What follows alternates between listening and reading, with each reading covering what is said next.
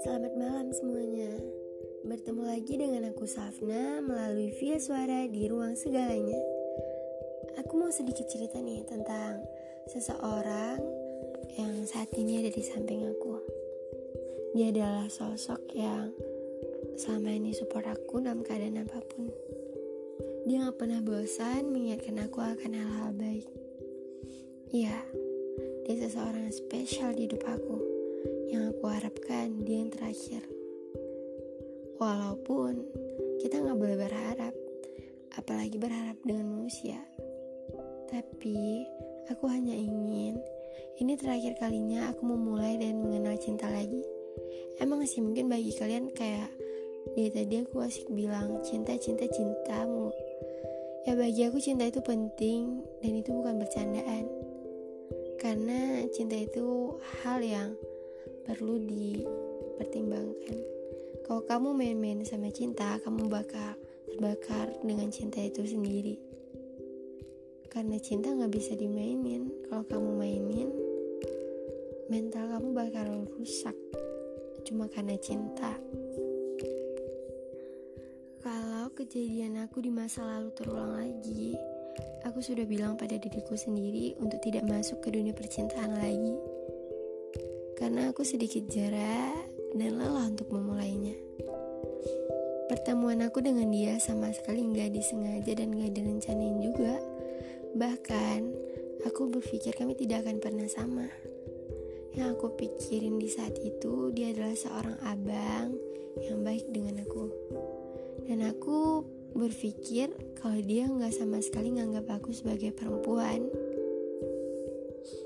Oke, aku bakal cerita awal pertemuan aku dengan dia. Pagi itu aku masuk rumah sakit. Posisinya tuh aku lagi di IGD dan aku lagi sendiri. Karena kebetulan ayah lagi keluar, ada urusan. Dan dia ngechat, dia nanya, "Lagi sama siapa di situ?" Terus aku jawab, "Sendiri." Dan beberapa menit kemudian dia nyusul. Dia datang, dia ngajak aku ngobrol, dia nemenin aku sampai aku udah masuk di ruangan kamar. Besoknya dan hari seterusnya dia datang lagi. Seperti biasa dia nemenin aku, ngajak aku ngobrol. Dan bahkan dia nyuapin aku makan. Sampai aku keluar dari rumah sakit, dia tetap datang. Saat keadaan aku udah lumayan, dia nyatain perasaannya dengan aku. Awalnya sih dia mau nyatain secara langsung, cuma karena aku minta dia ngomong terus, akhirnya dia bilang melalui chat. Dia nyatain perasaannya dengan dan aku bilang gini, aku belum siap untuk membuka hati lagi Aku belum yakin buat mulai hubungan lagi dengan seseorang karena aku masih trauma sama kejadian yang menimpa aku. Aku belum percaya sama siapa pun dan dia gak masalah sama sekali dengan jawaban aku. Bahkan dia bilang kalau nanti aku udah siap menerima orang lagi, bilang ke dia. Waktu pun berjalan, ya seperti biasa, dan dia pun ngajak aku jalan. Kami ke laut dan kami juga ke puncak gunung.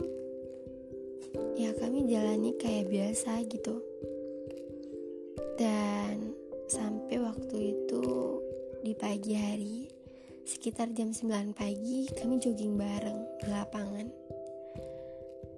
Kami jogging, pulang jogging dia nanyain sama aku, gimana? Udah buka hati belum? Terus aku diam. Terus dia bilang gini, udah, aku cuma nanya kok, jangan dipikirin kali. Cuma aku mau bilang, aku bakal nungguin sampai akhir Februari ini. Kalau nggak ada jawaban juga, aku mau nyerah. Gitu katanya.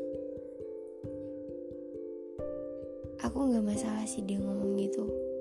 Perjuangan dia buat nungguin aku aja udah segitu bagi aku udah cukup.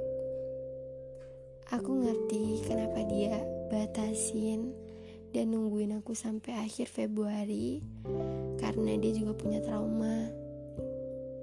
Dia dekat sama seseorang bahkan berbulan-bulan tapi nggak jadian. Dianya di ghosting. Jadi aku ngerti banget gimana perasaan dia setelah dia ngomong gitu malamnya aku pikir matang-matang. Aku mikir kesempatan gak akan datang dua kali kan? Dia juga udah berusaha buat yakinin aku buat memulai lagi. Aku gak mau sia-siain sesuatu yang belum tentu aku ke depannya bakal dapat yang gini lagi. Aku lebih memilih melakukan sesuatu dan akhirnya aku menyesal daripada aku gak ngelakuin sama sekali terus aku nyesal. Udah aku mikirin nih mata-matang. Besok paginya aku ngejawab dan 22 Februari 2021 kami jadian kami jalani hari-hari kayak pasangan normal. Kami jalan, kami main bareng, bahkan kami makan siang bareng. Waktu dia pulang ngampus ataupun waktu aku pulang sekolah. Kami beda umur. Aku masih SMA dan dia udah kuliah. Tapi itu nggak masalah sih. Dan hubungan kami nggak jalan gitu aja nggak semulus yang orang-orang pikirin kami juga ada bertengkar lalu kami baikan lagi banyak deh cobaan di hubungan kami setelah beberapa bulan bahkan hubungan kami sempat renggang beberapa kali. Terus rapat lagi karena kami masih sama-sama mempertahankan. Sampai aku nih ya misalnya aku lagi sendiri nih. Aku pikir gimana ya kalau nanti aku udah gak sama dia bakal sehancur apa aku? Karena aku siap buat kehilangan lagi tapi dengan syarat kalau suatu saat aku harus mengikhlaskan dia sama orang lain aku bakal ikhlasin tapi kalau Orang yang sama dia lebih sabar, lebih bisa ngertiin dia, lebih bisa hadapi semua sifat dia daripada aku. Aku bakal ikhlasin itu dan bisa bawa dia ke jalan yang benar. Aku bakal ikhlasin dia sama orang itu. Tapi kalau enggak, aku nggak akan ikhlasin dia sama sekali.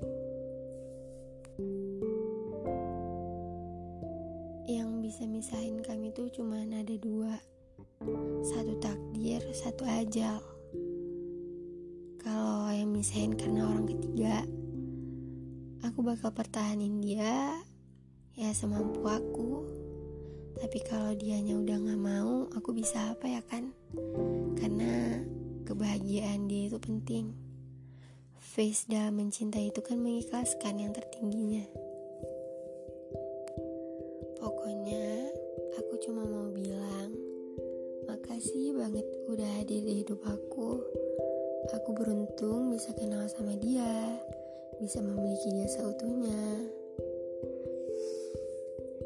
Pokoknya makasih banget udah ngetreat aku layaknya seorang ratu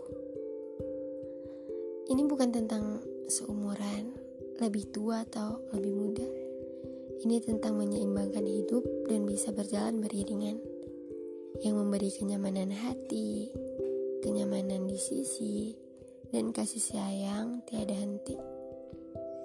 Tentang tertawa bersama, saling support, dan mendoakan satu sama lain. Berbicara lepas, tak terbatas, dan berpikir ini pantas atau tidak. Ketika dunia begitu kejam, dia menjadi tempatmu untuk selalu pulang. Yang bisa membantumu sangat sabar dan berusaha mengerti meskipun sulit. Menerimamu apa adanya meski kamu cuma seadanya. Masa lalunya nggak begitu dipermasalahkan karena aku tahu itu yang membentuknya sekarang. Kekurangan masing-masing adalah tugas kami bersama untuk belajar, saling menerima, dan memperbaiki agar ke depannya ya bakal jadi lebih baik lagi. Aku bakal selalu bersyukur bisa punya dia sekarang. Aku cuma berharap Tuhan bisa izinin aku jalin masa depan bareng dia. Oke, dari yang semua aku cerita, ada yang bisa diambil sih. Poin pertama, jangan pernah memulai hubungan baru lagi kalau kamu masih tersangkut dengan masalah di masa lalu kamu. Karena nanti orang yang yang bakal sama kamu bakal kasihan. Karena dia nanti bakal seolah-olah jadi pelampiasannya kamu. Yang kedua, jangan sia-siain kesempatan seseorang yang udah perjuangin kamu. Kesempatan gak akan datang dua kali loh. Dan kamu harus lebih memilih melakukan sesuatu dan kamu menyesal daripada kamu gak pernah ngelakuin itu sama sekali dan kamu nyesal itu tapi ada di diri kalian sendiri gimana maunya. Dan sayangilah orang yang saat ini ada di samping kamu yang udah nemenin kamu yang udah ngeyakinin kamu lagi. Dan jangan ngecewain dia. Dan satu lagi kita nggak ada yang tahu kan jodoh itu gimana. Jodoh kan udah diatur sama yang di atas tapi kita sebagai makhluknya, kita cuma bisa usaha. Kalau nanti nggak jodoh, nanti Tuhan punya skenario yang lebih indah dari ini kan? Jadi jangan khawatir, usaha aja karena yang terbaik bakal dikasih ke kamu. Udah segini aja sih yang mau aku cerita. Buat kalian yang lagi jalin hubungan, saling percaya terus ya. Saling support. Selalu ada buat pasangan kalian. Jangan biarin orang ketiga masuk dalam hubungan kalian. Oke. Okay? Makasih udah dengerin.